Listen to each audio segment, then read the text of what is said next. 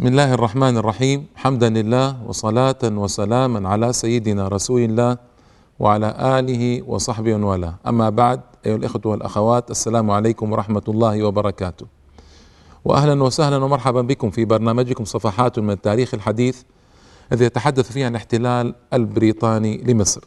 وقد سبق لي أن ذكرت الاحتلال الفرنسي لمصر. ثم الاحتلال الفرنسي للجزائر. ثم ها هو البرنامج الذي يتحدث عن الاحتلال الإنجليزي لمصر ولعلي في المستقبل نتحدث إن شاء الله عن الاحتلال الفرنسي للمغرب. وهدفي من ذلك أن يكون عند الإخوة والأخوات صورة واضحة قدر الإمكان للتاريخ الحديث الذي غمض على أكثر الناس أكثر الناس اليوم سمعوا بفضل الله تعالى في العشرين سنة الأخيرة هذه سمعوا تاريخ السيرة النبوية والخلفاء الراشدين الدولة الأموية الدولة العباسية الصليبيين التتار سمع هذا. وأفاضل الأساتذة أفاضل كثيرون تحدثوا في هذه التواريخ وكتبوا ونشروا أشرطة وانتشرت هذه الثقافة في الناس انتشارا معقولا قدر الإمكان.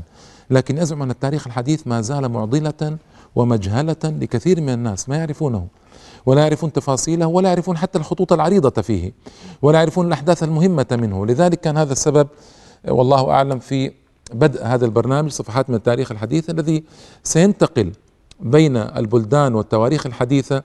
إذا أراد الله وفسح في المدة سآتي على آه، تواريخ أمتنا الإسلامية في عصرها الحديث من المحيط إلى المحيط. إن شاء الله تعالى حسب الأهمية والأولوية والقدرة والمكنة آه، وقبل ذلك وبعد توفيق الله تعالى. هذه الحلقة أيضا أخصص عن الخلاف والمهاترات والفوضى الذي قامت في مصر آنذاك بسبب المفاوضات والمشكلات. آه، جو أو مناخ فيه خلاف واسع وكبير جدا ومنازعات بين أقطاب الوفد أنفسهم وبين من انشق عن الوفد والوفد. وبين هؤلاء جميعا والقوى السياسية الأخرى في مصر وبين هؤلاء جميعا والقصر وبين يعني القصر والإنجليز وخلاف لا يكاد ينتهي حتى يبدأ ولا يكاد يبدأ حتى ينتهي وهكذا في دوامة ليس بعد دوامة. لذلك كتب شوقي في ذلك الوقت قصيدته شهيد الحق في الذكرى السابعة عشرة لوفاة مصطفى كامل رحمه الله. ذكرت من هو مصطفى كامل؟ في حلقات سابقة فلا أعيد. باختصار هو باعث الوطنية في مصر لكن وطنيته كانت على دعائم من أركان الشريعة الإسلامية جيدة ولا بأس بها. استطاع أن يؤسس نظرة متوازنة معتدلة إلى حد كبير في مصر آنذاك. هو وخلفه محمد فريد رحمة الله تعالى عليهما. فقال في بداية القصيدة كلاما رائعا قال إلامة إلام الخلف بينكم إلاما وهذه الضجة الكبرى علامة. وفيما يكيد بعضكم لبعض وتبدون العداوة والخصام وأين الفوز؟ لا مصر استقرت على حال ولا السودان دام وأين ذهبتم بالحق لما ركبتم في قضيته الظلام شببتم بينكم في القطر نارا في القطر يعني في البلد. شببتم بينكم في القطر نارا على محتله كانت سلامة الله أكبر. أبيات رائعة جدا تصور الصورة بحذافيرها في الحقيقة. نار كانت خلافات ومهاترات ومنازعات أصعب وأكبر وأعظم من أن أصفها لكم. ما يمكن أن أصفها لكم لطولها وللملل الشديد. لو حصل آه الذي ممكن أن يصيبكم. أتحدث عن ثلاث وثلاثين سنة من المنازعات والمهاترات والمكائد والمؤامرات. وكان كل ذلك على المحتل بردا وسلاما في كثير من في أغلب تلك المدة وإلا في بعض المدد كان نارا على المحتل ولله الحمد والمنة في الجهاد الذي قام بعد ذلك سأذكر لكم بإذن الله. آه، أيضا الحكومة الإنجليزية تدخلت لتجبر الملك فؤاد في عدد من المرات أن يقبل الدستور أو أن يقبل الحكومة المعينة التي يريدونها وحدث هذا مع الملك فاروق وسآتي عليه بعد ذلك إن شاء الله تعالى. صارت هنا مشكلة مشكلة كبيرة. صار الدستور والمطالبة بالحفاظ عليه والمناداة به وإلغاؤه وإعادته صار المطلب الأول للأحزاب المصرية والساسة المصريين. وشغلهم كل الانشغال وشغلهم كل الشغل وانشغلوا به عن مطالبة الإنجليز بالجلاء والخروج من البلد. يعني صار الدستور غاية وليس وسيلة. وهذه المشكلة حدثت فعلا في مصر.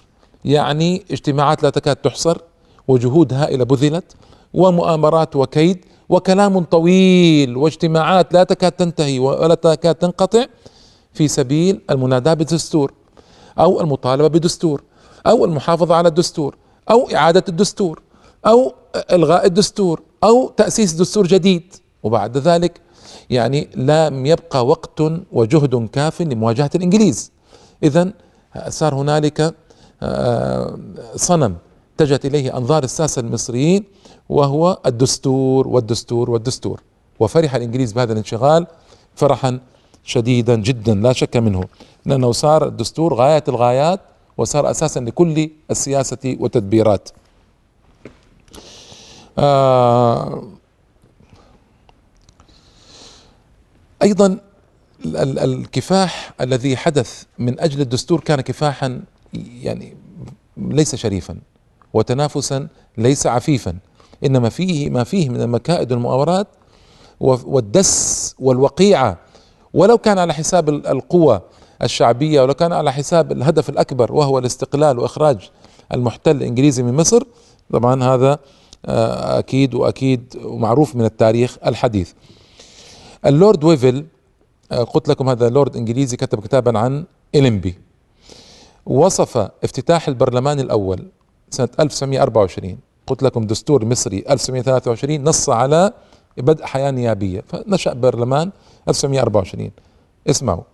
أما إلمبي فقد كان يراقب هذا المنظر وهو مقتنع بأن السياسة البريطانية المجسمة في تصريح 1922 يعني أن ستخرج من مصر بشروط أربعة وكذا إلى آخره كانت تسير في طريقها المرسوم.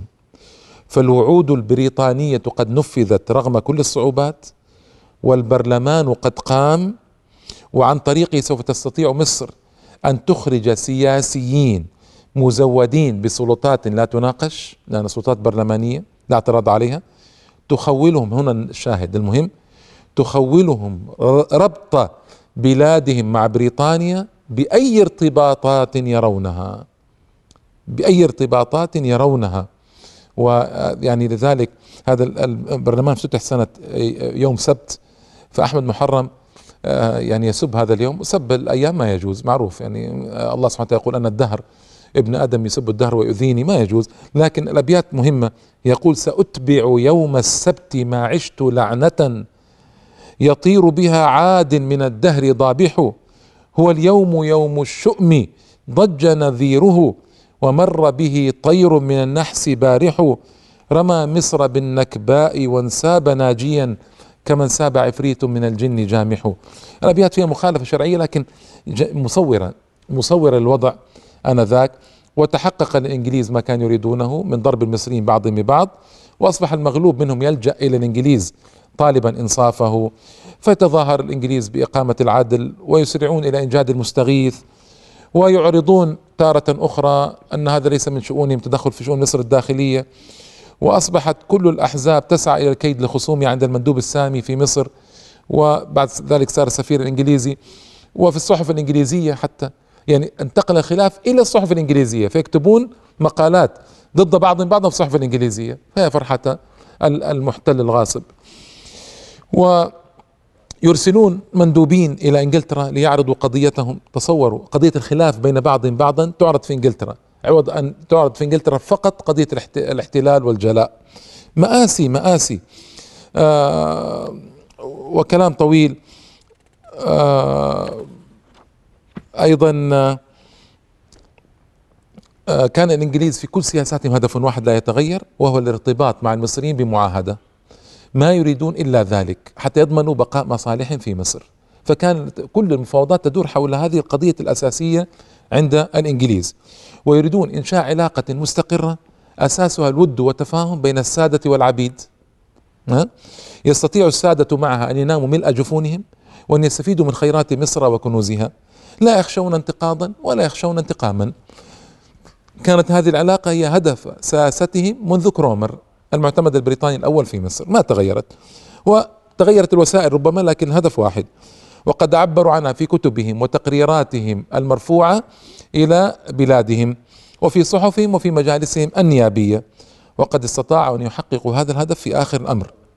ف وقلت لكم مثال أن سعد بدأ ختم حياته كما بدأها مواليا للإنجليز.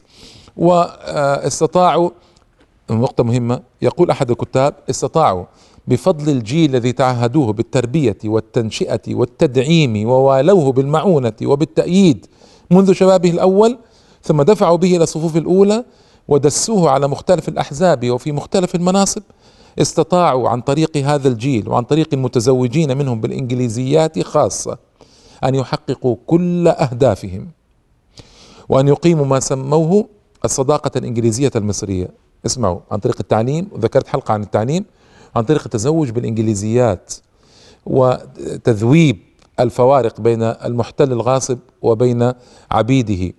طيب وطبعا أشار كرومر إلى هذه النقطة إشارة واضحة جدا. يجب أن لا ننسى أنه لسد النقص الناتج عن عدم الاشتراك في الجنس والعقيدة واللغة والعادات والتفكير التي تكون أساس الاتحاد بين الحاكم والمحكوم. يجب علينا أن نحاول ابتداع ابتداع يعني التفكير في وسائل جديدة لمثل هذه الروابط بين الإنجليزي والمصري حسب ما تقتضي به الظروف. ومن أكثر هذه الروابط أهمية أن يكون هناك نظام مدبر لعرض وجهات النظر التي تبدي عطفا معقولا على المصريين.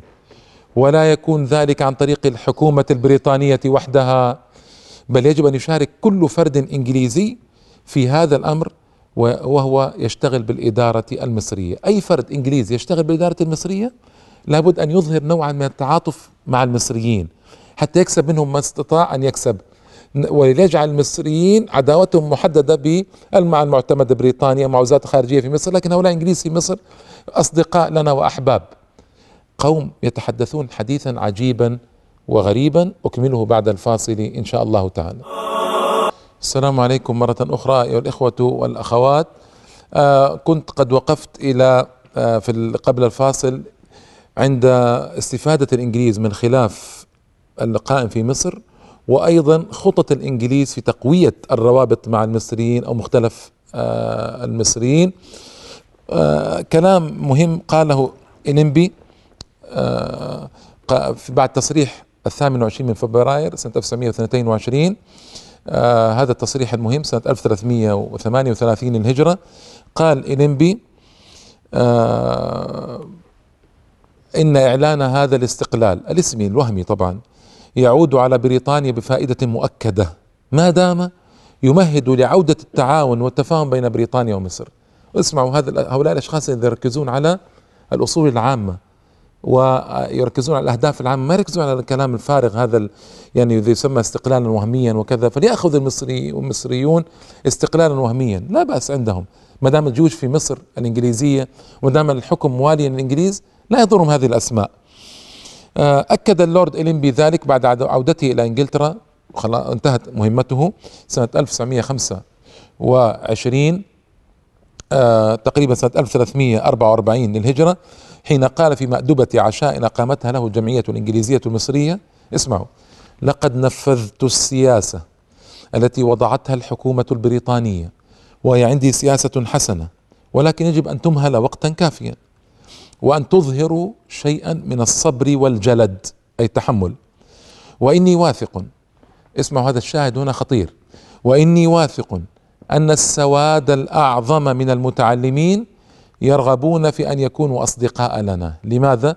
لأن التعليم أيها الإخوة والأخوات قام على أسس إنجليزية وتحت رعاية الإنجليز وعناية الإنجليز وإشراف الإنجليز.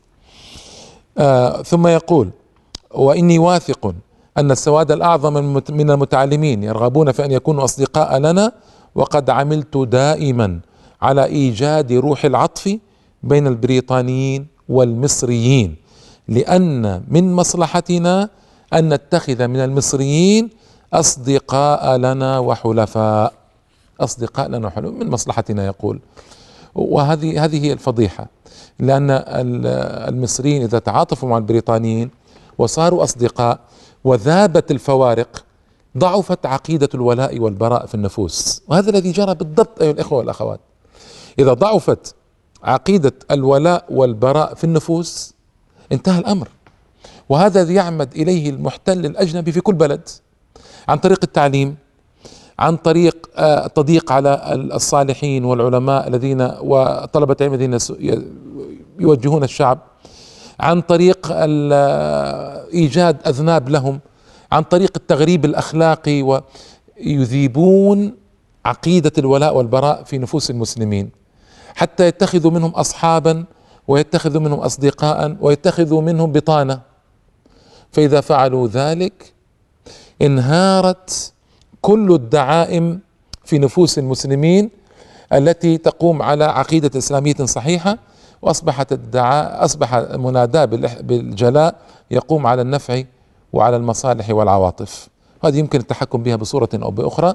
فاذا هذا الذي سعى إليه الإنجليز من اليوم الأول لاحتلاله بل من قبل الاحتلال بمدة مهدوا له كما قلت لكم في حلقات سابقات.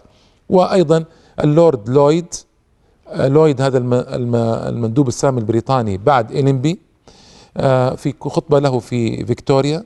هذه فيكتوريا أنشأها الإنجليز في الإسكندرية كلية أنشأها إنجليز في إسكندرية. أكد هذا المعنى ذاته الذي تحدث فيه إلينبي. يعني المسألة واضحة وواضحة جدا.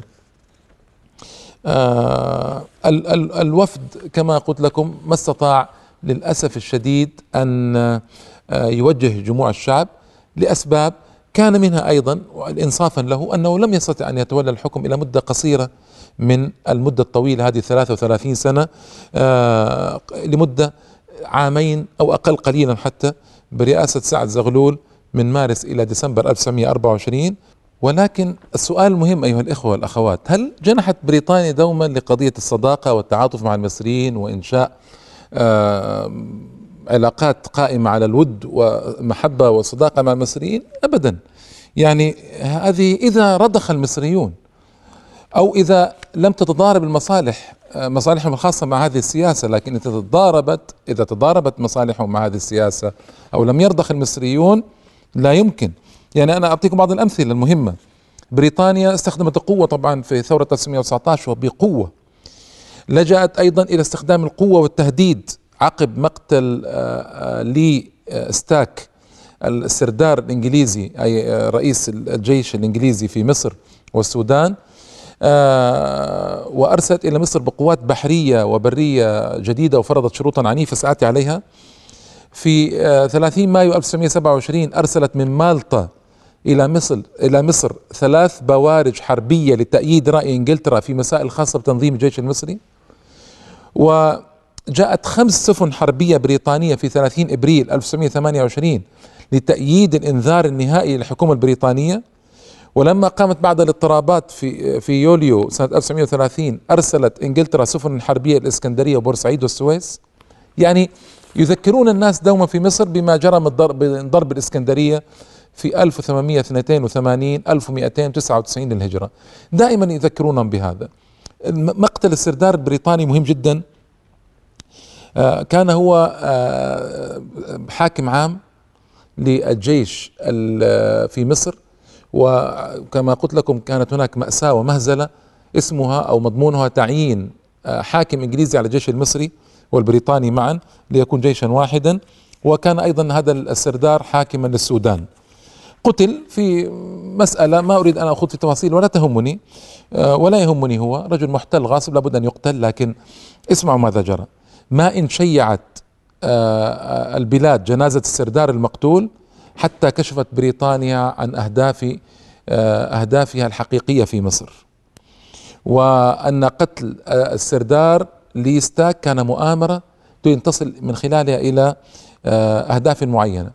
فتحرك إليمبي بقوات عسكرية قوامه 250 جنديا بأسلحتهم الكاملة ودخل مجلس الوزراء وقدم إلى سعد زغلول انذارا بريطانيا. اسمعوا بالله. يتلخص هذا الإنذار بعد تهديدات وقحة طويلة وسعد جالس في رئاسة الوزارة. أولا اعتذار الحكومة المصرية عن الجناية. ثانيا متى تعتذر الحكومة إذا هي ارتكبتها؟ أو إذا كانت عن طريق تراخيها أو تراخي قبضتها على الأمن. لكن مسألة ما حقق فيها بعد. أن تبحث عن الجناة وتنزل بهم أشد العقاب. لاحظوا تعتذر أولا ثم تبحث عن الجناة. ثالثا أن تمنع من الآن وتقمع بشدة كل مظاهرة شعبية سياسية. آه إذا هناك أغراض. رابعا أن تدفع للحكومة البريطانية غرامة قدرها نصف مليون جنيه. وهو مبلغ هائل بمقاييس ذلك الزمان. خامسا سحب الجيش المصري من السودان. أيوه اذا هذه قضية خطيرة هنا. وتحويل الوحدات السودانية التابعة للجيش المصري إلى قوة سودانية تكون خاضعة وموالية للحكومة السودانية وحدها. وما هي الحكومة السودانية؟ هي حكومة إنجليزية طبعا محضة. أي نجعل السودان تابعا لإنجلترا؟ وانتهى الأمر. سادسا إطلاق يد حكومة السودان في زيادة مساحة أطيان الجزيرة من 300 ألف فدان إلى مقدار غير محدد؟ سابعا. أن تعدل الحكومة المص... أن تعدل الحكومة المصرية عن كل معارضة لرغبات الحكومة البريطانية فيما يتعلق بحماية مصالح الأجانب في مصر وأن يعاد النظر طبقا له... طبقا طبقا لهذه الرغبات في شروط خدمة آه الذين لا يزالون في خدمة الحكومة المصرية وأن تبقي منصبي المستشار المالي والمستشار القضائي وتحترم سلطتهما وامتيازاتهما. كما نص عليها وأن تحترم أيضا نظام القسم الأوروبي في وزارة الداخلية واختصاصاته وقصة طويلة الإنجليز قاموا بها استفادة مقتل هذا السردار.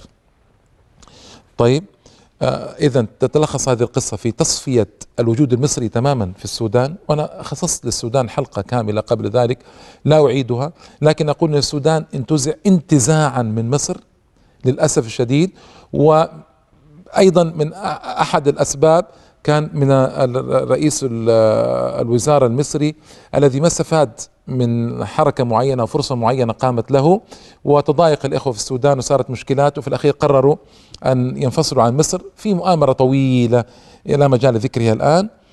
وإعادة الحماية على مصر بطريقة تكاد تكون فعلية. مستشارون يبقون امتيازات أجنبية تبقى القسم الأوروبي وزارة الداخلية يبقى إلى آخره هذا هذا إعلان حماية جديد. وساعد قبل الأربع بنود الأولى الاعتذار والمعاقبة ومنع المظاهرات والتعويض قبل هذا. لكن آه ما يمكن أن يقبل الباقي. وبقبوله البند الثالث سعد زغلول وهو وقف وقمع بشدة كل مظاهرة شعبية سياسية يكون قد وضع بينه وبين الشعب جدارا وجدارا كبيرا جدا. آه لما لم يقبل سعد البنود الباقية تحركت القوات البريطانية واحتل واحتلت جمرك الإسكندرية طبعا هذا رمز للضغط واستقالت الوزارة وزارة سعد بعد عشرة أشهر من توليها الحكم.